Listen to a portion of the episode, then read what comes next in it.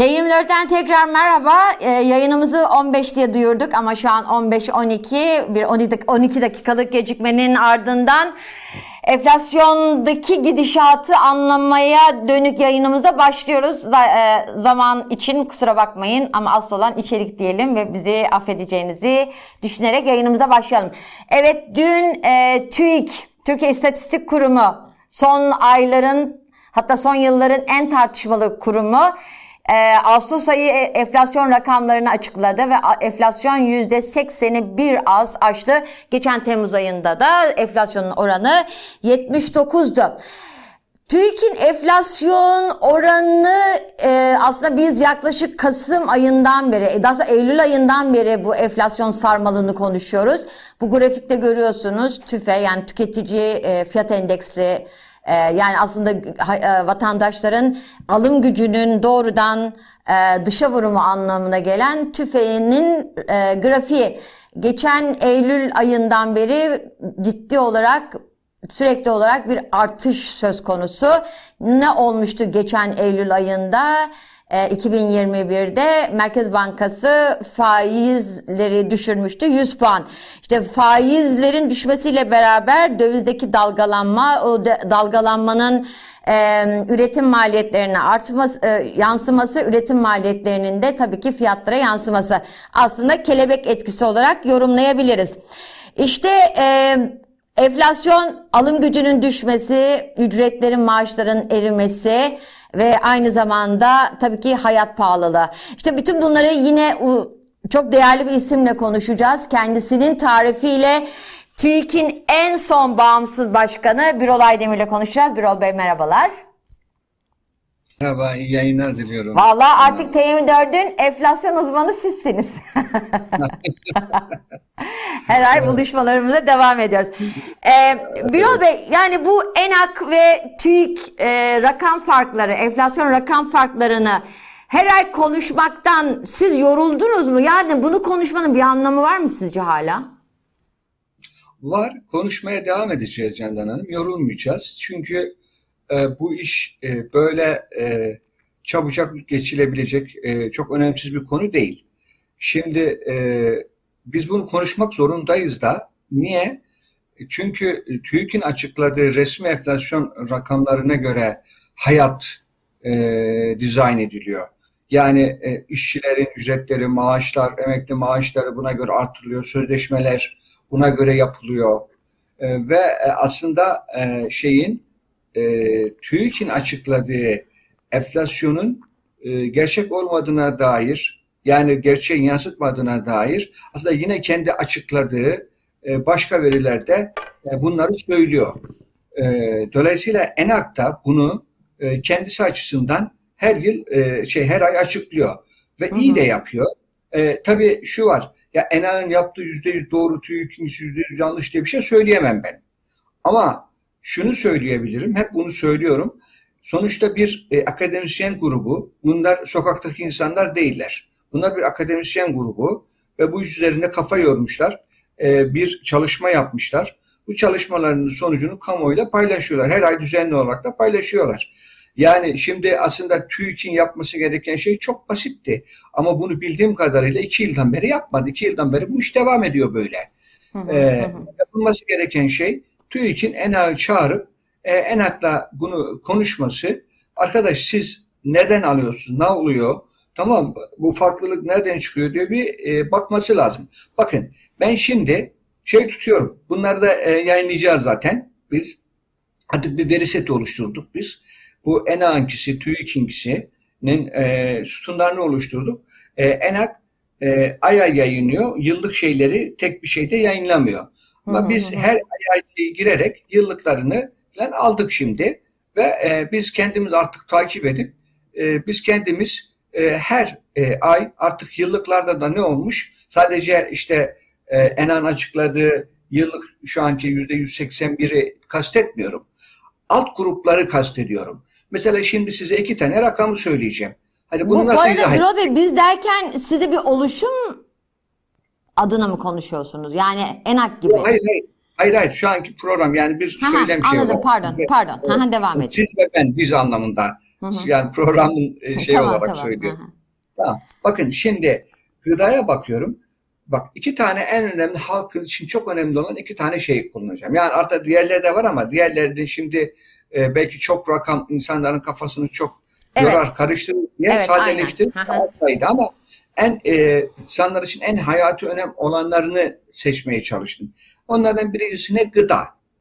Şimdi bakın gıdada diyor ki TÜİK 0.85 arttı diyor Ağustos ayında diyor gıda Hı hı. fiyatları. Hı hı. Peki ENAK ne diyor buna karşı? ENAK'ın dediği şey 8.62. Yani Çok tam büyük 10 fark. kat. Tam 10 kat. Şimdi böyle bir şey bakın 0.85 neresi? 8.62 neresi? Şimdi bakıyoruz şeye. Peki biz ENAK'ın e, şeyini yıllıklandırdık. Her ay girerek endeks oluşturduk. Bunu ENAK kendisi yayınlamıyor ama biz ENAK'ın aylık verdiklerinden kendimiz bir endeks oluşturduk. Gıdadaki yıllık artış ne çıktı biliyor musunuz. ENAK'sinde? Yüzde 221. Yüzde 221 çıktı. Peki buna TÜİK ne diyor? 90 diyor. Bakın bir Evet. tarafta yüzde 90 bir tarafta yüzde 221 diyor. Şimdi arada bir neredeyse e, iki buçuk kat fark var. Şimdi bunu konuşacağız Candan Hanım. hı hı. Bunu konuşmaya devam edeceğiz. Ne zamana Hı hı. kadar? Bunlar oturup konuşana kadar. Ne zamana kadar? TÜİK insanları ikna edici bir açıklama yapana kadar konuşmaya devam edeceğiz. E, zaten siz de hatırlattınız bu enflasyon fiyat sepeti de artık açıklanmıyor Mayıs ayından beri değil mi?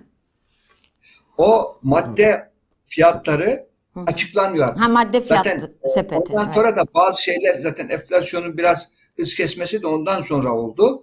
E, tabii yaz ayları biraz tabii artış şeyleri düşecekti ama e, onun dediği insan şüphelenmiyor da değil artık. İnsan her şeyden şüphelenir olduk işin Hı hı. doğrusu. Hı hı. Şimdi bakın Peki. ENAK'la TÜİK'in arasındaki ikinci şeyi söyleyeyim. Mesela giyim. Tamam. Yine insanların en çok kullandığı giyim. Şimdi giyime bakıyorum. Giyime bakıyorum. Hı hı. Giyimde e, ne demiş şey? E, TÜİK %1.28 arttı demiş. E, Buna karşı e, şey ne demiş? Enak ENAK ne demiş? demiş? %1.39 arttı demiş. Yine 10 kat. Yine 10 kat fark var. Şimdi yıllığa bakıyorum. Yıllıkta ENAK yılda %202 oluyor. Burada artık izah edilemeyecek bir noktaya gelmişiz. Giyimde tü, şeye göre, e, TÜİK'e göre %38 artış var yıllık. Hakikaten bu şaka, şaka yapıyorlar sanıyorum artık. Yani %38'lik bir artış söylüyor ya. Ya bu bu imkansız bir şey. ENAK %202 diyor. Hadi buyurun. Hı hı. Şimdi bunu nasıl diyeceksiniz? Yani yaklaşık neredeyse 5 kat fark var ya. E Şimdi bu ikisinin yani ikisi de aynı Türkiye'de aynı verileri yani benzer veriler kullanıyor olmaları lazım. Bunu nasıl izah edeceğiz? Şimdi insanların daha şimdi mesela şeyi de söyleyeyim sonra başka bir yorum yapacağım size. Mesela ulaştırma ve konut da var. Bu dördünün Ki konut Yani- fiyatları biliyorsunuz herkesin canını acı- acıtan Konut bir gerçek yani. Ee, Özellikle Evet. kira fiyatları. kira değil. Bu elektrik filan da bunun içinde. ısınma da bunun içinde. Konut dediğimde. Mesela e, konutta e, da şey diyor ki TÜİK yüzde, aylık yüzde iki sıfır beş artış var. Yüzde iki artış var. ENAK diyor ki yüzde on dört artış var. Ha, buyurun işte. Şimdi bunu nasıl izah edeceksiniz? Ha, bunu nasıl? Konuttaki artış ENAK diyor ki yıllık yüzde iki yüz on üç. E, e, TÜİK diyor ki yüzde yetmiş bir. Bakın Evet. bunlar da üstelik e, şeyin içinde enflasyonun içinde ağırlığı çok fazla olan şeyler. Dört, dört kalem gıda, giyim, ulaştırma konutu topladığımızda toplam ağırlığı yüzde 61 yapıyor. Bunlar Zaten arasında- temel temel yaşam girdileri değil mi bunlar bunlar. yani? Tabii tabii tabii en temel bunlar zaten. Hı hı. Şimdi bir sorun şu aslında Canan Hanım, şimdiye kadar kimse bunu çok konuşmadı, e, dile getirilmedi bu. Bu da şu, TÜİK benim bildiğim kadarıyla 2021 yılında e, bu e, ağırlıkları tespit etmek için e, bir anket yapılıyor. E, hane halkı bütçe anketi. TÜİK 2021 yılında bunu yapamadı bildiğim kadarıyla. Çünkü e, Covid vardı. Evlere girip bunu yapamazdı yani. Gayet anlaşılır bir şey. Ondan sonra merak ettiğim bunu nasıl e, devam ettirdiler? Çok değişmedi. Bunların ağırlıklarını çok değiştirmeyerek korudular. Ama şunu biliyorum ki biz 2021 Eylül'den itibaren Türkiye'de her şey ekonomik anlamda çok değişti, çok bozuldu ve bu ağırlıklar da çok hızlı değişti. Şu anda mesela gıdanın ağırlığı %25 ya. Hı hı. Şimdi bir anket yapılsa bana göre bu en az %30 çıkar. En az %30 çıkar. En az. En az. Yani şu dört tane kalemi saydım %61'in ağırlığı şu anda %80'lere falan gelmiştir. Çünkü niye? Ya insanlar zaten başka bir harcama yapamıyor ki Candan Tabii tabii insanların alım gücü düşünce yaşamak için, nefes almak için en, en temel şeylere yöneliyorlar değil Tabii. mi? Onunla ilgili. Abi aynen. Sorun zaten biraz burada çıkıyor. Ağırlıklar aslında şu anda güncel hiç yansıtmıyor. Hmm. Sorun aslında başka bir sorun burada. O yüzden mesela bu ağırlıklar dediğim gibi şekilde güncelliği yansıtıyor olsaydı enflasyon daha da yüksek çıkacaktı. Hmm.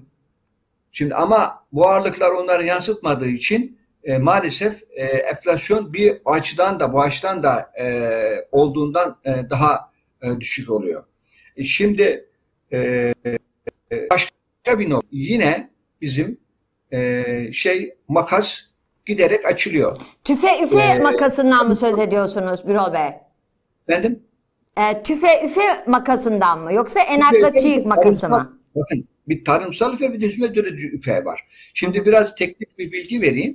E, şimdi e, üfe, üç tane üfe yayınlanıyor. Candan Hanım. Bunu belki izleyicilerin e, çoğu bilmeyebilir. E, benim zamanımda tek üfe yayınlanıyordu. Sonra ilk gittiğim zaman sonra biz bunları geliştirdik ve sonra üç tane ben gittiğimde tefe yayınlanıyordu ilk Hı hı. başkan olduğumda.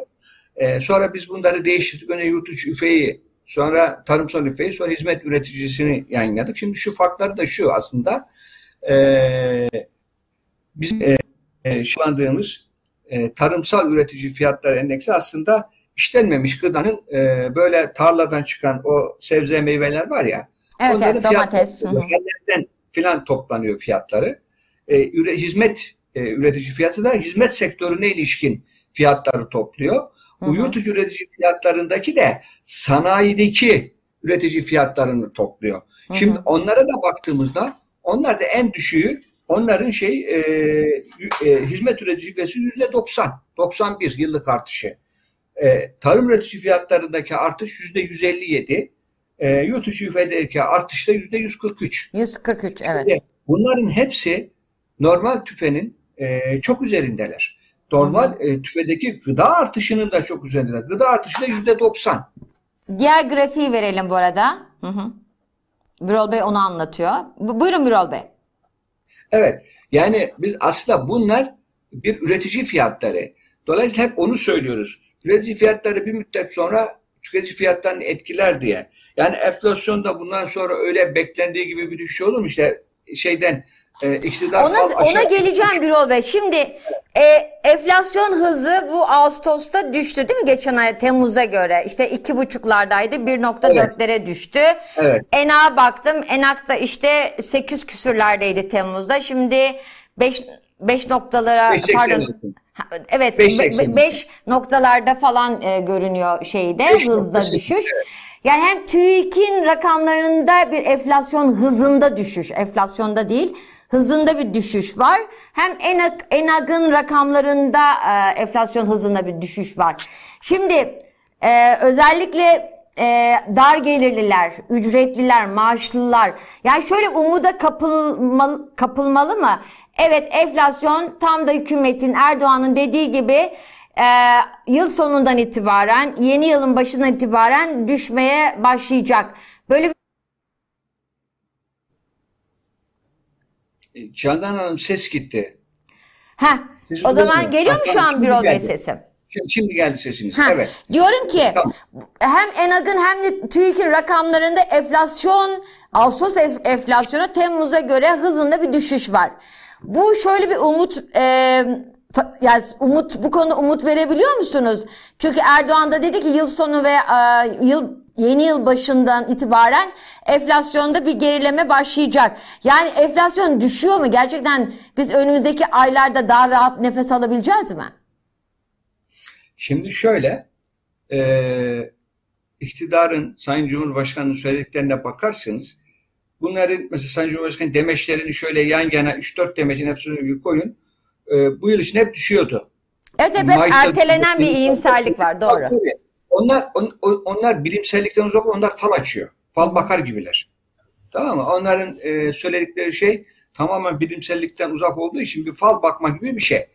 Sonra Maliye Bakanı'nın söylediklerine bakarsanız her ay bir şey değişiyor söylüyorlar. Söyledikleri hiçbir şey tutmadı. Yani bu zamana kadar defalarca söyledikleri şey e, olmadı. Şimdi enflasyon düşer mi düşmez mi? Şöyle. Şimdi düşüp düşmeme meselesi biraz e, farklı açıdan bakmak gerekiyor. Şimdi siz söylediniz ya biraz hız kesti. Evet hız kesti. Temmuz ayında neymiş ben söyleyeyim. Temmuz ayında tüfe 2.37. Şimdi e, tüfe e, 1.46 oldu. E, üfe 5.17'ymiş. Şimdi üfe 2.41 oldu. E, ondan sonra enankisi ise 5.03'müş. Enak'ta bir değişim yok. Aslında Enak'ta e, 5.86 artış da var. Hı hı. Şimdi e, düşer mi düşmez mi? Bu aslında Canan Hanım e, iki tane aslında Merkez Bankası'nın şeylerine baktığınızda enflasyon ilgili raporlarına baktığınızda orada e, iki şeye bağlıyor Merkez Bankası. Kendisi e, enflasyondan sorumlu, fiyat istikrarından sorumlu olan kurum aslında kendi işini yapmadığı için iki tane e, e, gerekçe iki tane konuya bağlıyor enflasyon düşmesini. Bir tanesi Rusya-Ukrayna e, savaşı bitecek, emtia fiyatları düşecek, tamam mı? Ondan sonra enflasyon düşecek. İkincisi de e, kendisinin söylediği baz etkisinin, biraz işte iktidar da onu söylüyor, Cumhurbaşkanı da onu söylüyorlar. Yani e, baz etkisinden dolayı enflasyon evet çünkü Eylül ayından Kasım, Ekim, Kasım, Aralık aylarında enflasyon aylık çok yüksek geldi. Bakın unutmayın Aralık ayında tek Aralık 2021'de enflasyon yüzde 13 geldi. Yüzde 13 bütün- yani şöyle söyleyeyim belki 80-100 yıllık enflasyon. Yani onların yıllık enflasyonunun biz bir ayda daha fazlasını elde ettik. Hı hı Biz şu anda şunu da konuşalım. Şu anda G20 ülkeleri içinde, OECD ülkeleri içinde, Avrupa Birliği'nde, Avrupa ülkeleri içinde biz enflasyonda bir numarayız. Bize bize yanaşan yok. Şimdi düşecek de neye düşecek? Nereden düşecek? Biraz onu konuşalım. Yani düşecek de nasıl düşecek? Düşecek mi ayrı mesele. Bir de nereden nereye gelecek? Biraz onu, onu konuşalım. Şimdi dünyaya baktığınızda dünyadaki gıda enflasyonu içinde bakın oturup baktım. Hakikaten sizin program şey için oturup baktık. Hı Ya. Dünyadaki gıda enflasyonunda kaçıncı sıradayız? Dünyada beşinci sıradayız biliyor musunuz? Bak tarım ülkesi olan bir ülkede dünyada gıda enflasyonunda beşinci sıradayız. Bunu acaba iktidar biliyor mu? Bizden öndekiler kim biliyor musun? İlk dörtte. Ee, Lübnan, Zimbabwe, Venezuela, ee, bir ülke daha var. Lübnan, Zimbabwe, dü- dünyada dördüncü sırada. Dördüncü biziz. İlk üç Evet. ülke Lübnan, Zimbabwe, Venezuela. Dünyadaki gıda enflasyonda. Genel enflasyonda da dünyada beşinciyiz. Ha buyurun işte. Şimdi düşecek diyor ya. Yani biliyorsunuz bundan üç ay önce de Sayın Cumhurbaşkanı enflasyon yok demişti. Hı hı. Farkındaysanız. Ay- Açın ona bakın. Şimdi aslında keşke şunları verebilseniz de izleyiciler bunları görebilse. Üç ay önce enflasyon bu ülkede enflasyon Bir yok dahaki dedi ya. yayında o e, derlemeyi yapacağım söz. Evet. Ondan sonra hayat pahalılığı var dedi. Şimdi yok işte enflasyon. Ya 3 ay önce sen enflasyon yok diyen senden yani Sayın Cumhurbaşkanı kendisi söylüyordu enflasyon yok diye ne oldu? Ya ben onu söylüyorum artık iktidar ne konuştuğunu bilmiyor. Gerçekten bilmiyorlar. Ne söylediklerinin farkında değiller. Şimdi, Şimdi Birol Bey ne Bak- oldu? Elektriğe zam geldi değil mi Eylül itibariyle? Tabii. Doğalgaza zam geldi. Eylül ayında tabii eğitim harcamaları bakın Eylül ayında stand, yani mevsimsel olarak eğitim harcamaları Evet. çok artar. Tabii okullar Eğitimdeki açılıyor. fiyatlar Tabii. artar. Tabii. Ondan sonra şimdi doğalgaz ve hanelerde e, şeye doğalgaz elektriğe yüzde yirmi zam geldi. E, şeye sanayiye yüzde elli zam geldi. Sanayiye gelen bu zammı sanayi ne yapacak? Yani kendisi Fiyatlara yansıtacak. Doğal olarak yansıtacak. Ha doğal olarak yansıtacak. Yani fiyatların düşüp düşmemesi bakın baz etkisinden dolayı fiyat artış hızı yavaşlayacak. Bu net. Bu tartışmasız. Hı hı. Yani biz bir daha Aralık ayında %13'ü görmüyorsak tamam mı? Görmeyeceğiz zaten. Öyle bir ihtimal pek gözükmüyor. Böyle yine böyle bir dolar kurunda böyle acayip bir şeyler olmadığı sürece. Hı E o zaman zaten düşme eğilimine girecek yani. Ama Hı hı. nereden düşecek? Yüzde belki 85'lere çıkacağız. Yüzde 80, 85'ler üzerinden e, kendi şimdi orta vadeli program yayınladılar. Yüzde Dün 65. değil evet. %65 değil mi Candan Hanım? Evet. Ne oldu? Peki %65'in hedefi neydi? Onu hatırlıyor musunuz, biliyor musunuz? Daha önce Hedefi daha 9.8'di. düşüktü. Tabii. 9.8'di. Evet. Geçen yıl 2021 yılının Eylül sonunda o zaman çok daha geç yayınladılar. 2020 yılının Eylül sonu gibi yayınlanan orta vadeli programda hedef 9.8'di. Ne oldu? Şimdi 65 olarak revize ettiler. Şu anda kaç? 80. Ha, Evet. etkisinden dolayı düşecek de yıl sonu enflasyon 65 olacak. Olabilir mi? Olabilir. Evet. Ama nereye gideceğini şimdi kim, Türkiye'de kim söyleyebilir ki kur bir ay sonra işte 20 lira 25 lira olmayacak veya başka bir şey olmayacak? Kim söyleyebilir? Evet, kimse bunun garantisi yok gerçekten. Tabii bunun garantisi yok. İktidar şunu bir türlü anlayamadı ya. Yani çok açık. Biraz önce programın girişinde siz de söylediniz Candan Hanım. Bu ülkede eğer TL değer kaybederse, dolar değer kazanırsa bunun sonucu enflasyondur. Bu çok açık ve nettir. Ve Bu yıllardır böyledir. Şimdi siz Eylül ayında faizleri Merkez Bankası politika faizlerini indirip bu böyle ucube, bilimsellikten uzak, akıl, mantık dışı bir politika uygulamaya başlayınca ne oldu? Bakın bütün şey siz biraz önce ilk koyduğunuz grafik var ya ben de bunları yayınlıyorum. Hı hı. Orada gözüküyor zaten. Her şey çok açık. Ya sizin bu politikanız sadece enflasyon üretir. Sizin bu politikanız inanın sadece yoksulluk üretir. İktidarın bu politikası başka bir şey üretmez. İşte bunun bedelini ödüyoruz. Yani siz faizleri indirirseniz sonuç buraya gider. Yani, Yani siz diyorsunuz ki Birol Bey bir yavaşlama olsa bile biz yıl sonunu en ihtimalle yıllık %85'le kapatırız diyorsunuz değil mi? yok yok %85'te kapatırım demiyorum. Hı. Yıl sonunda eğer dolar kurunda anormal bir şey olmazsa yani e, bu orta vadeli programdan görünen 65 civarında bir şeyle kapatırız. Evet. Hı. Yani e, o civarda. Ama şimdi sorarım şeyi. Ya biz nereden 60, 65 bile dünyada ilk 5-6 ülkeden birisiniz demektir ya. Ya Sizin işte o yaşam- konuşulmuyor Birol Bey. Yani normalde enflasyonu nereden nereye getirdiğiniz değil de getirdiğiniz enflasyonu nereye çektiğiniz konuşuluyor değil mi? Bu da herhalde bir iyi bir algısal yönetim herhalde. Evet. Yani zaten itiraz noktan da burası şey e, Candan Hanım. Evet. Ve siz enflasyonu nereden nereye çıkarttınız? Bir onu konuşalım ya. %7'lik 8'lik enflasyonu siz çıkarttınız şu anda %80'e. Bakın 24-25 yılda görülmeyen bir enflasyon şeyi var Türkiye'de şu anda biliyor musunuz? Yani 24-25 rekorlar kırılıyor. Her açıklanan bir rekor oluyor. Siz bunu yapmışsınız. Şimdi enflasyon düşecek veya işte aynı şey gibi e, kuru dolar kurunu 18'e çevirip sonra bir kur kurulu mevduat çıkartıp yani o da ayrı büyük bir risk ve e, yani asla bir çözüm olmayacak bir e, karardı. Ha, geçici olarak 12 liraya e, indi. Ne oldu şimdi? Kaç lira peki kur? Evet. Gönderden Evet. değil mi? evet. Bunu anlayamıyorlar. Yani işin Hatırlarsanız sebepleri- 20 Aralık'ta işte o meşhur kur korumalı mevduat sistemi e, açıklandığında dolar 11'lere falan değil mi? 18'lerde 11'lere kadar Evet, inmişti. evet, evet. Şimdi yeniden civarlarda- 18'i konuşuyoruz. Evet. 18, 18 o da 18'i korumak için ne kadar para sattıklarını bilmiyorum ama herhalde bir sanıyorum e, geçen e, şeylere baktım yine. E, bu işle e, şey yapan e, arkadaşlar bazı arkadaşlar çok iyi takip ediyor bu konuları. Herhalde sanıyorum bir yine 50 60 55 60 milyar dolar sattılar. Burada tutmak için. E ne oldu? Tutabilecekler mi? 128 milyar üzerinde bunlar da geldi. Tutabilecekler mi? Tutamayacaklar Ama hep- çünkü Ha. Buyurun Buyurun. Birol Bey. Yani işin asıl sebepler üzerine değil. Bakın sonuçlar üzerine baktıkları için de çözemiyorlar. Yani şunun gibi hastanın ateşi çıkmış Candan Hanım. Sadece ateşi düşürmeye çalışıyorlar. Ya enfeksiyon var mı yok mu diye bakmıyorlar. Varsa nerede enfeksiyon var ona bakmıyorlar. Ya bunların yaptığı bu. Ve asıl şey şu burada. Ya bütün bunlara sebep olan da kendileri zaten kendi politikalar. Hı hı. Kendi hı. politikalarından dolayı bütün bunlar oldu ve bunları yenmeye e, çalışmıyorlar da. Yani sorunu inkar ediyorlar. Sorunu inkar ederek bir yere gidemezler. Sonuçta enflasyon düşer mi düşmez mi? Ya enflasyon bakın enflasyon şu anda 65'e düşsen olur. Bakın bu enflasyon sonuç biraz önce bir şey söyledim Candan Hanım. Yoksullaşmadır. Fakirleşmedir. Satın alma gücünün düşmesidir. Bakın şimdi daha 3-5 gün önce de şey açıklandı değil mi? Milli gelir açıklandı. Evet. Dok- Ve 9 Milli- bin küsür dolar herhalde değil mi? Evet. E, milli gelir açıklandığında ne oldu biliyor musunuz? İş, mesela biz hep e, oraya vurgu yaptık.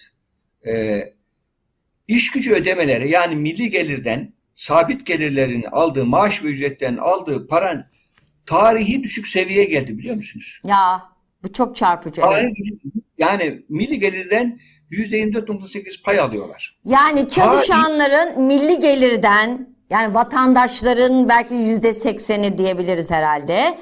Milli gelirden çok düşük bir pay alıyorlar. Geçtiğimiz yıllara göre de düşmüş bu değil mi Birol Bey?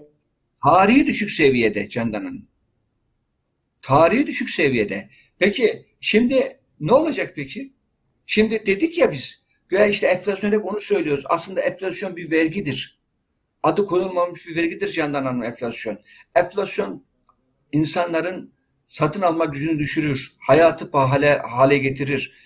Ve e, işte milli gelirde sabit gelirlerin aldığı payı çok düşürür yoksullaştırıldığı için ve hayat pahalılığı çok artar. İşte bütün bunun sonunda hepsini görüyoruz işte. Hepsi ortada. Yani sizin işte bütün sabit gelirleri, maaş ve ücret alanların, e, çalışanların şeylerinin bunların milli gelirden aldıkları pay tarihi düşük zirve, Ta- şey, evet, düşük tarihi düşüş. e, noktaya getirdiniz. İşte bu bunun ispatı. Şimdi yap, yapılan politikaların sonucu sadece fakirleşme ve sizin yaptığınız bütün bunlar. Peki siz enflasyonu düşüğe 65'e düşüyor bu değişecek mi? Yok yoksulluğa bakıyorsunuz. Şimdi yoksulluğa bakıyorsunuz. Türk İş'in açıkladı yine. Evet. Yani Türk İş'in Evet. sendikası, sendikası açıkladı. Yoksulluğa bak. Hem açlık hem yoksulluk sınırı. Evet. Yüzde 25'i fazla. Yani siz asgari ücreti 5500'e çıkarttınız. Ne oldu? Bir şey mi değişti? Şunu anlamıyorlar. Asgari ücreti siz 10 bine çıkartın. Eğer siz bu fiyat artışlarını durduramazsanız, bunu kontrol edemezseniz asgari ücret en fazla 2 ay sonra yine eriyecek. Fayda Peki. Birol Bey tam burada çok önemli soru soracağım. Bu işte asgari ücreti ım, 10 bine çıkarsanız ne olur dediğiniz için. Geçtiğimiz haftalarda bir yayında Profesör Doktor e, Ercan Uygur'la konuşurken kendisi de e, söz etmişti. Ona da atıfta bulunayım. Para aldanması meselesi. Özellikle bu gelişmekte olan ülkeler açısından yani toplumsal psikolojiyi yönetmek açısından da anladığım kritik bir e, ne diyelim e, kritik bir hamle olabiliyor bu para aldanması. İşte enflasyon yükseliyor, maaşlar yükseliyor. Ama orada bir aldanma var değil mi her zaman? E, Tabii aldanma var. Tabii ki aldanma var. Yani insanlarda bir nominal parasına bakıyor fakat reel parasına bakmıyor. Bakın ben e, ya bu hafta içinde ya da e, önümüzdeki pazartesi e, veya salıdan itibaren bir dizi şey yayınlayacağım bununla ilgili. Aynen bu konuyla ilgili e, verileri ve tweetleri paylaşacağım. Şimdi onu söyleyeyim. Bakın insanların reel gelirleri, insanlar reel gelirlerine bakmaları, bakmaları Hı hı. gerekir. Son iki yılda inanılmaz derecede düştü. İnanılmaz derecede. İki tane şey etkili oldu. Bir tanesi çok gündeme gelmeyen, zaman zaman böyle bazen bazı arkadaşların e, gündeme getirdi ama ben bunu verilerle ortaya koydum şimdi. E, onu açıklayacağım. E, gelir vergisi dilimleri. Siz yüzde on ile başlıyorsunuz. 2 ay bir iki üç ay sonra yüzde 27'ye çıkıyorsunuz. Sonra yüzde 35'e çıkıyorsunuz biliyor musunuz? Bakın gerçek bir örnek yaptık ve her enflasyon 2020'den itibaren enflasyon inanılmaz derecede yüksek çıktığı için aylık enflasyonda gelirlerini şey yaptık. e, Gerçek bir örneği yaptık. Gerçek bir maaş örneğinden yaptık. Hı hı. Biliyor musunuz? Yılbaşı ile yıl sonu arasında kişinin geliri yüzde 25-30 düşmüştü. Reel geliri. Hı hı. Bakın önemli olan budur. Nominal size ne verdiği önemli değil. Önemli olan sizin satın alma gücünüz ne oldu? Yani reel geliriniz ne oldu? İnsanlar bu konuya dikkat e, etmeleri gerekiyor. Bunu Yani ben açık- biraz daha sadeleştirirsek şöyle diyebilir miyiz? İşte e, reel reel ücret e, şöyle ör- örneklendirebilir miyiz? İşte ben e, bir ailede dört kişilik bir ailede e, işte Temmuz ayında menemene dört yumurta kırabilirken işte Ağustos'ta Evet. üç yumurta Şimdi kırabiliyorum. iki. Evet Peki. aynen. Yani halkmancı dilde bu aynen bu. Bu şekilde. Yani ben aslında zaman zaman bunları da paylaşıyorum. Kaç yani bu şeyle ne kadar e, sebze meyve alabiliyor, ne kadar benzin alabiliyor. Bunları filan da e, paylaşıyorum. E, aslında yani milletin yani halkın anlayacağı şey aynı sizin dediğiniz örnek işte. Olay Hı. bu. Sen yılbaşında da dört yumurta alıp kurabiliyorsan menemene, yıl sonunda da kırabiliyorsan senin gelirine bir değişiklik yok. Hı hı. Senin gelirin reel olarak aynı. Ama sen 3 kırıyorsan, 2 kırıyorsan düşmüş demektir. Ha, dördün üzerine de kırabiliyorsan o zaman senin gelirin artmış demek. Dolayısıyla burada Ama hükümet- nominal, Hı hı. nominal, nominal yüksek enflasyon ortamında Candan Hanım, nominal e, olarak nominal e, para birimlerinden, nominal maaşlardan, nominal milli gelirden konuşmak bir şey ifade etmez. İnsanlar burada işte yanılsamayan, Ercan Hoca'nın da bahsettiği şey bu ki çok doğru. Yani bu Para para, yani. yansıması olur tabii. İşte burada reele bakmak lazım. Reeli söylemek lazım. Peki Mesela Bey şimdi- siz e, siyasetçi kimliğiniz de var. Her ne kadar tekno- teknokrat olsanız bile işte Sayın Akşener'in danışmanı e, herhalde Ekim ayında re- e, resmi olarak da açıklanacak. Şunu merak ediyorum. Hükümet herhalde bunu göze aldı e, değil mi? Bu enflasyon politikasının çünkü enflasyon bir, son, bir sonuç yani gerçekten. E, ama politikalarının sonucu, faizin sonucu değil yani. E, yani politikaların doğru. sonucu. Enflasyon bir Doğru, sonuç çok ama herhalde bunu göze almış gibi. Yani enflasyonun bu halini yönetebileceğini düşünüyor toplum nezdinde. Herhalde ben öyle düşünüyorum. Siz ne düşünüyorsunuz? Şimdi şöyle, şöyle düşünüyor. Bence de şöyle düşünüyor. Şimdi e, yazıyorlar bunu da. E, aslında bir hastalık zamanı insanlar şöyle davranır değil mi Canan Hanım? Önce aslında bir hastalığı bir reddetmek isterler. Hele ciddi hastalık olduğunda. Hı hı. Önce bir önce bir red reddiye şeyi başlar psikolojisi. Sonra bunu kabullenmeye geçer. Sonra da çözüm aramaya geçer. Şimdi bu insan psikolojisinde böyle ilerliyor. Şimdi 3 ay önce bizde enflasyon yoktu değil mi Candan Hanım? Hı, Cumhurbaşkanı enflasyon mu var dedi bu ülkede.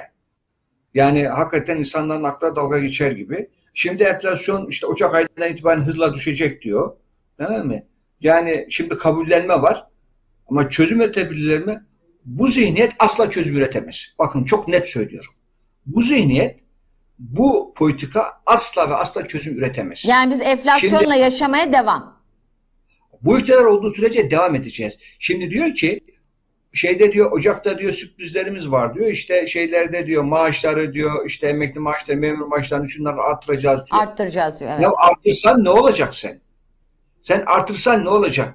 Bakın geçen yıl bu zamanlar bir e, şey benzinin litresi 7 liraydı. Şimdi kaç lira? Şimdi en en inmiş son e, 5-10 gün inmiş fiyatlarla 18-20 lira arasında. Yani 3 kat artmış yaklaşık. Bizim maaşımız 3 kat mı arttı? Bu kadar basit yani. Halkın karşılaşması gereken şey budur işte. Senin diyeceğin maaşın 3 kat mı arttı? Hı hı, Şimdi hı hı. artırsa ne olacak? Artırdığında zaten e, öbür taraftaki o şeylere girmiyorum. Şimdi programımızda o şeyi çok uzatıyor. Evet evet oralara girmeyelim. Programı yapmamız lazım Candan Hanım. Evet. Sadece enflasyona e, odaklı olunca aslında söylemem gereken birçok şeyi de söyleyemiyorum. Yapalım öbür mutlaka. tarafta Aynen. Mali disiplini, tabii mali disiplini bıraktılar. Bütçe aldı başını gidiyor. E zaten Tamam mı? orta vadeli program herhalde değil mi? Bir seçim ekonomisini göze aldıklarını gösteriyor. Yani e, ta, aslında orta vadeli program neyi gösteriyor biliyor musunuz? Bizim yeni ekonomide diye söylediğimiz şey iflas etti arkadaşlar diyor. Aslında onun söylediği şey bu. Şimdi kur almış başını gitmiş ama işte diyorlar ya ihracat artacak, cari fazlaya geçeceğiz, istihdam artacak, büyüyeceğiz. Ya açıkta orta vadeli program bunun tam tersini söylüyor. Dış ticaret açığı rekor kıracak. 105 kendi açıkladığı şey 105 milyar dolar. Dış ticaret açığı. Cari açık 47, yalnızca 47 milyar dolar. Yani 105 milyar dolarlık bir şey dış ticaret açığı tarihte seride var mı şu anda hatırlamıyorum inanın bana. Yani inanılmaz bir şey. İstihdam arttı mı? Kendi açıklerde işsizlik oranı %10.8. Yani 3 yine biz 4 milyona yakın resmi açıklanmış bir işsizliğimiz olacak bizim. E büyümemiz zaten yüzde beş her zamanki söylenen bu sene yüzde beş büyüyebilecek miyiz onu da bilmiyorum. Sanmıyorum yüzde beş büyüyebileceğimizi. E peki ne oldu? Yani açıkladı orta vadeli program aslında hükümetin kendisinin iktidarın yeni ekonomik model olarak sundukları her şeyin tersinin olacağını söylüyor. İşte aslında benim gibi insanların söylediklerinin hepsinin aslında ispatı orta vadeli program oldu. Evet. Şimdi dolayısıyla bunların yani bu enflasyonu bunu göze alıyor filan e, onlar şöyle ben size ilginç bir şey söyleyeyim Candan? Hı hı, buyurun. Yani Cumhurbaşkanı enflasyon yok filan diyorken buna da inanmış da olabilir ha. Niye biliyor musunuz? Neden? Bakın hiç çarşı pazara gittiğini düşünmüyorum. Yok gitmiyorlar ki. İktidar mensuplarının hiç kimseye gidip de bir ekmek mi alıyor? Ama etrafındakiler Ekmek- söylemiyor mu gerçeği? ekmeğin kaçta çıktığından, benzinin kaç lira olduğundan, tamam o şekerin, pirincin kaç lira olduğundan haberi var mı onların? Yani Etrafındakiler çıktı- söylemiyor mudur Birol Bey? Ya tamam belki Cumhurbaşkanı Hayır, çarşı pazara gitmiyor ama etraf- et- et- etrafındaki insanlar da zaten aynı. Onlar da böyle 150, 200 bin, 300 bin aylık maaşlarla orada rahat oturan, sarayda geçinen, etraf, kaç kişiyle görüşüyorlar da? Halkın arasında mı çıkıp da yürüyorlar? Halkınla bir şey mi yapıyorlar? Alışveriş mi yapıyor? İşte Tarım Kredi Kooperatif indirim yapacak dedi. Biliyorsun indirim komik çıktı. Yani hakikaten berbat bir şey çıktı yani. E Çünkü yok hakikaten dünyadan kopuklar. Onlar başka bir dünyada yaşıyorlar. Başka bir alemde yaşıyor. Bakın hiç halkın arasına karışmıyorlar. Size başka bir örnek vereyim. Bak ben müsteşarken. Çalışma Bakanı müsteşarken, başkanken, neyse Hı hı. yani e, ben SGK başkanı iken, işte TÜİK başkanı iken, e, işte e, başka şehirlerde toplantılar, iş için bir yerlere gittiğimizde her uçaktan neredeyse bir tane bakanla karşılaşırdık. Normal gidiş gelişleri şeylerimizde. Şimdi bir tane bakanı gören var mı? Hiç, hiç ben ben mesela soruyorum. Başka arkadaşlarıma da soruyorum. Siz uçakta gittiniz bir bakan gördünüz mü diyorum. Hiç gör, daha bakın son 2-3 yıldan beri gören bir kimseye rastlamadım ben. Niye biliyor musunuz? Hepsi özel uçak kullanıyor. Özel uçaklar Karayolları değil yani. Hı hı. Tabii. Şimdi ya bakın yolculuk yapar halkın arasına karışmaz. Alışverişte zaten yoklar. Tamam mı? Yani kendi dar çevrelerinde tamam mı? Kendileri kendileri dışında kimse zaten danışman diye aldıkları insanlar da sadece herhalde onlara e, pohpohlamak ve onlardan gerçeği saklamakla e, uğraşıyorlar. Ona meşguller. Peki nereden bilecekler ya? Hakikaten nereden bilecekler? Şimdi dolayısıyla enflasyonun inecek ona işte söylemişlerdir. Bu baz etkisinden dolayı Cumhurbaşkanı'na söylemişlerdir. Ocak ayında e, fiyatlar düşecek filan hızla düşecek şey olacak. Ona inanıyor. İşte şeyi de e, memur maaşlarında filan da emekli maaşlarında biraz arttırınca zannediyor ki her şey düzeldi. Ya milli gelir içindeki aldığı pay tarihi en düşük zirvede ya. Bakın ya yani bu inanılmaz bir şey Candan Hanım. Bakın bu söylediğim şey çok basit gibi geliyor. ama Çok evet evet şey. evet evet. Yani daha doğrusu kimlerin e, enflasyon zaten değil mi? Enflasyonun birinci kuralı herhalde zenginler daha zengin, yoksullar daha yoksul olur. Tabii aynen öyledir işte. Sonucunu görüyoruz işte. Bakın üstelik de kendilerinin açıkları verilerden Zaten yani. Bakın, gel- gelirden yani milli 2019'da gelirden alınan payla da anlaşılıyor bu zaten. Tabii.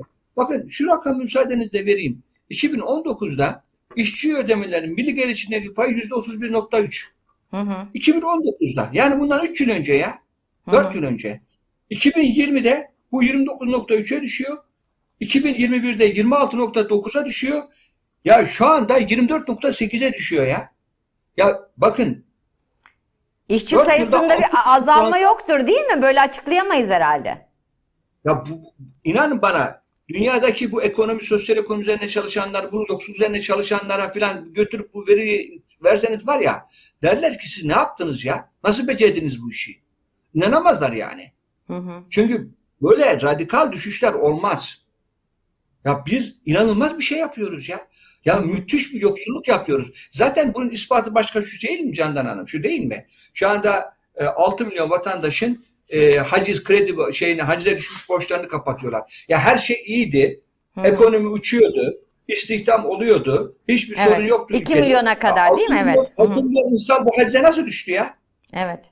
Hem de kapatacakları paralar ne kadar? 2000 liraya. İnsanlar Evet. 2000 lirayı ödeyemeyen 6 milyon insan mı var bu ülkede? O zaman oturup düşünün. O zaman düşünün bu ülkeyi ne hale getirdiniz diye. Zaten Hı hı. e, bu politikaların sonucunda Candan Hanım bizim o dediğimiz var ya orta gelir insanlar, orta sınıf. Orta sınıf kalmadı.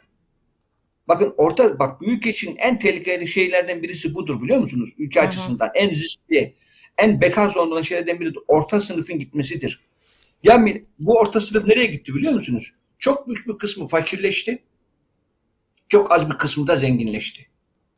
Hmm. Şimdi biz sınıfı erittik. Orta sınıfı bırakmıyoruz. Hı hı. Yani dolayısıyla iktidar e, zannediyor ki bütün bu politikaların sonucu olmayacak. Ocak ayında ben işte biraz maaş arttırırım, biraz enflasyonda hız keser, 80'den işte 70'lere düşer filan. Ondan sonra e, bir seçime gider alırız. Yani iş öyle olmadığını görecekler.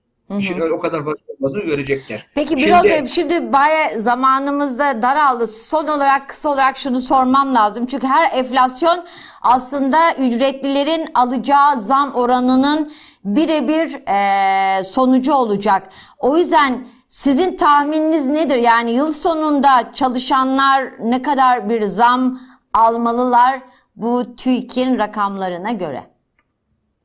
Valla TÜİK'in rakamlarına göre zam aldıkları müddetçe insanlar fakirleşmeye, yoksullaşmaya devam edecek. Bu çok net. Bakın ben biraz önce niye ilk girişte iki tane rakam verdim. Bak tekrar ediyorum bu iki rakamı.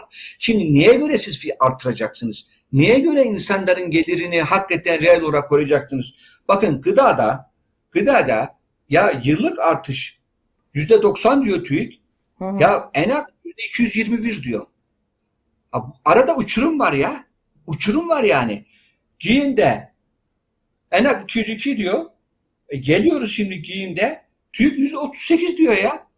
Ya bunu nasıl bağdaştıracaksınız siz? Şimdi enak doğruysa yüzde 38 derse verse ne olur?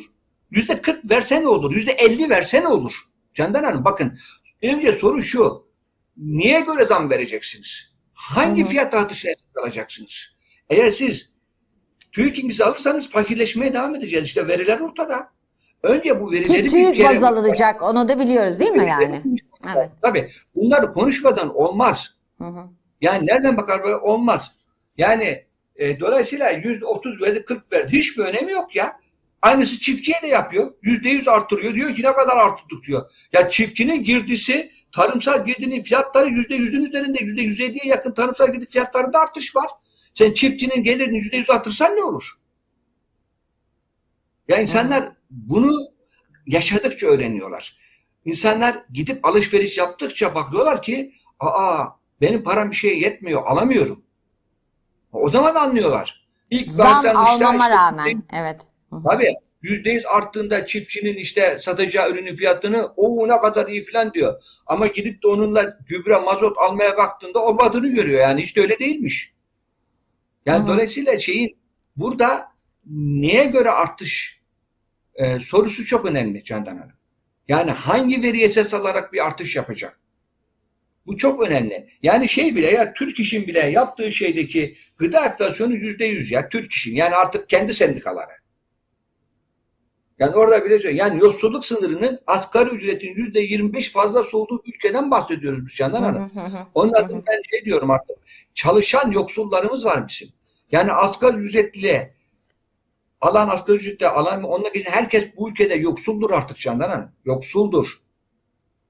Bakın artırdı değil mi? Yüz- Kaç artırdı şeyi? Ee, örnek asgari ücret yılbaşından bu yana yüzde 93 artırdı. Hı hı. Peki ne oldu? Ne değişti Candan Hanım? Asgari ücretin alım gücü artmadı ki.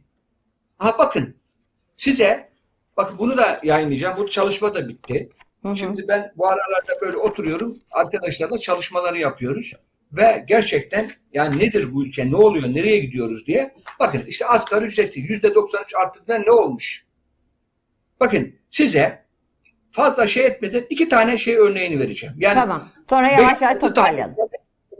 Temel ürünü şeyini çıkarttık. Diğer ülkelerle diyor ya e, Sayın Cumhurbaşkanı diğer ülkelerde şöyle işte enerji enflasyonu ortalık hatırda vurdu mahvoldular bittiler filan. Bakın, bakın şimdi ya 7-8 temel üründe biz ve 5-6 tane ülke, medeni ülke. Ya kalkıp da Afrika'nın bilmem ne ülkesine bakacak halimiz yok. Yani kim Almanya, Kanada, İspanya, Fransa, İngiltere. Ha bunlara baktık. Yani bir saatlik asgari ücretle ne alıyoruz? Biz Hı ne alıyoruz, onlar ne alıyor? Hı hı. E baktık çıkarttık bakın. Süt en temel şey değil mi? Evet. Süt. Bundan daha temel bir şey düşünebiliyor musunuz? Bakın bir de ekmek vardı değil mi? Ekmek. Hı hı. Tamam mı? Ekmek, süt. Bak süt bizim bir asgari ücretlimizin bir saatiyle 1.9 litre süt alabiliyor. Hmm. 2 litre bile alamıyor. Bakın Hı 2 hı. litre alamıyor. Evet. Bu Almanya'da bakın 5.6 litre, Kanada'da 5.8 litre, İspanya'da 8.5 litre, Fransa'da 11 litre, İngiltere'de 14-15 litre. Ha buyurun. Evet. Ha 4, buyurun 5 işte. Yani katı. siz asgari ücreti %93 artırsan ne olacak ya? Aldığı süt miktarı değişti mi? Aldığı süt miktarı değişti mi? Aldığı Ama ekmek Birol Bey hep mi? sürekli olarak hatırlarsınız sosyal medyada da çok dolaşıma girdi ve herkesin bir tür gündelik hayatta ortak dili haline geldi. Bu enflasyon meselesi tabii ki bir dalga konusu olarak gündeme geliyor da bana ne benzindeki artışta ben zaten hep 50 liralık Evet. benzin alıyorum hikayesi gibi oldu yani. Evet. Mesela benzin, bak benzini vereyim. Akaryakıt işte onu verdiniz ya tam onu da Aha. vereyim size Candan Hanım. Bakın Türkiye'de bir asgari ücretin bir saatiyle Hı hı. bir buçuk litre falan şey alıyorsunuz. Yani Benzin e, alıyorsunuz. şu anda şu anda düştüğü için belki bu 1.8 1.9 litreye çıkabilir. Şimdi Almanya'da 5.8 litre alıyorsunuz. Kanada'da 7.5 litre alabiliyorsunuz. Bir saatlik bir e, asgari ücret parasıyla. İspanya'da 3.8 litre alıyorsunuz. Fransa'da 6.3 litre alıyorsunuz. İngiltere'de de 5.5 litre alıyorsunuz. Ha buyurun işte. Evet. İşte biz buna reel ekonomi diyoruz değil mi Birol Bey? Tabii. Ya bu ülke karşılaştırması hani diğerler ölüyordu biz çok iyiydik ya. Onun için söylüyorum. Şimdi ha bunların şey de var. Ben zaman zaman e, kendi ülke içindeki karşılaştırmayı da e, yapıyorduk biz buradan. Ama şimdi yapamıyoruz. Niye yapamıyoruz biliyor musunuz? Yani TÜİK'in verisi kullanarak yapıyorduk. Sağ olsun TÜİK'teki arkadaşlar insanlar böyle verileri kullanıp araştırma yapmasın, konuşmasınlar diye o verileri kaldırdılar. Hmm. Bu arada gerçekten bir günde yani şey gerçek gerçi onu çok konuştuk işte TÜİK'teki daire başkanlarının değişmesi, başkanların sürekli değişmesi, istifalar geçtiğimiz dönemlerde de gündeme gelmişti vesaire. TÜİK'i konuşmaya devam edeceğiz. Tıpkı ölüm rakamlarının açıklanmaması gibi değil mi? Hala açıklanmadı ölüm rakamları pandemiden bu yana. Yok, Onu da yok, herhalde açık- konuşacağız. Sadece sadece bakın ölüm istatistikleri açıklanmıyor. Bakın o sadece açıklansa yani onda kalsa gene hadi ama bakın çok daha önemli bir şey açıklayamıyorlar. Hayati istatistikler var. Hı hı. Bu hayat istatistikler Canan Hanım çok önemli bir şeydir bu. Yani sizin 20 yıl sonra, 30 yıl sonra, 50 yıl sonra nüfusunuz nereye gidecek? Hangi şehirde ne kadar kişi yaşayacak?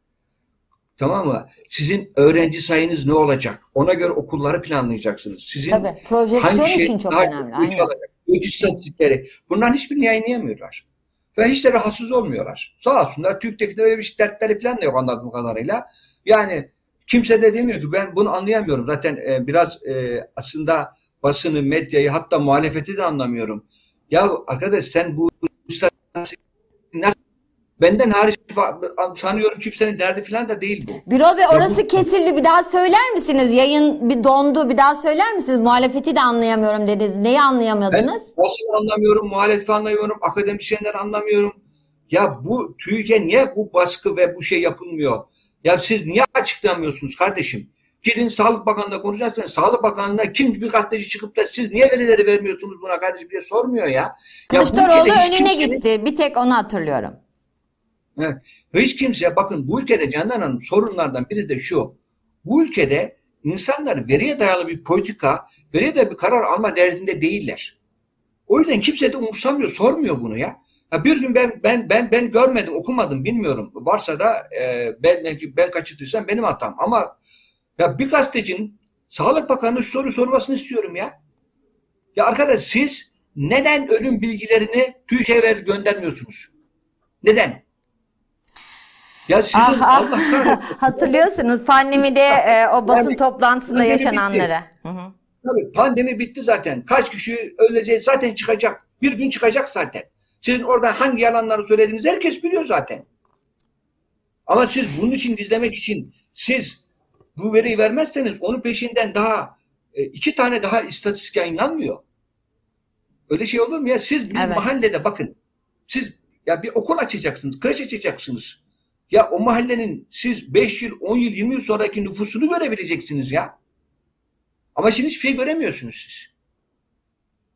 Evet Ve o yüzden kimse de- TÜİK'in rakamları gerçekten çok yaşamsal. Özellikle gelecek için yani geleceğe e, bir tür projeksiyon yapmak açısından, geleceği öngörebilmek açısından bu rakamların gerçek olması, reel olması çok çok önemli ki gerçekten hakiki politikalar üretebil, üre- üretilebilsin diye. Birol Aydemir çok teşekkür ederiz. Ne diyelim bir, da, bir dahaki enflasyon yayında buluşalım ama dediğiniz gibi şu bütçe meselesini de herhalde bir yayın bir konuşmak gerekiyor. Vallahi, evet, geniş bir ekonomi şeyi de yapmak lazım. Evet. Ee, sadece bütçeye sıkıştırdığımızda, şey pardon enflasyona sıkıştırdığımızda aslında enflasyonun sebep olan temel politikaları konuşamıyoruz. Yani asıl onları konuşmak lazım. Yani enflasyonun bu hale gelmesine sebep olan politikaları da bir oturup bir konuşmak gerekir. Tamam. Tamam. Ee, yani bu çok geniş alanı ilgilendiren birçok sektörü, birçok e, politika alanını ilgilendiren e, bir konu. E, onları da bir konuşmak gerekir. Yani insanların biraz e, sadece sonuçlar üzerine odaklanıp onun üzerine yorum yapılmasından ziyade bu sonuçlar neden oldu, niye oldu, ne yapıldı da böyle olduğuya da biraz bence kafa yorması gerekiyor. Bizim de hepimizin de. Evet, enflasyon sonuçtur ama bu politikaların sonucudur diye bağlayalım. Evet, Çok teşekkürler net. Birol Bey. Canan Hanım çok net enflasyon faizi sonucu değildir. tamam. Çok çok çok sağ olun. Ee, sizin kendi tarifinizde TÜİK'in en son bağımsız başkanı olarak enflasyon rakamlarını bizim için bir kez daha, TM4 takipçileri için bir kez daha değerlendirdiniz, yorumladınız ve e, analiz ettiniz. Başka bir yayında görüşmek üzere Birol Bey. Çok sağ olun. Evet TM4 takipçileri e, Birol Bey'le e, işte Ağustos ayının enflasyon rakamlarının gerçeği ne kadar yansıtıp yansıtmadığını, özellikle bu enflasyon rakamlarının çalışanlar açısından neden önemli olduğunu ve özellikle e, bu para aldanması meselesinin yani enflasyona paralel olarak ücretlere yapılan zamdaki e, kayıp, kayıp anlamına gelen para aldanmasının ne anlama geldiğini konuştuk. Başka bir yayında görüşmek üzere. Hoş kalın, hoşça kalın. T24'te kalın ve tabii ki YouTube kanalımıza abone olmayın. Zira bağımsız bir gazetecilik ancak böyle mümkün.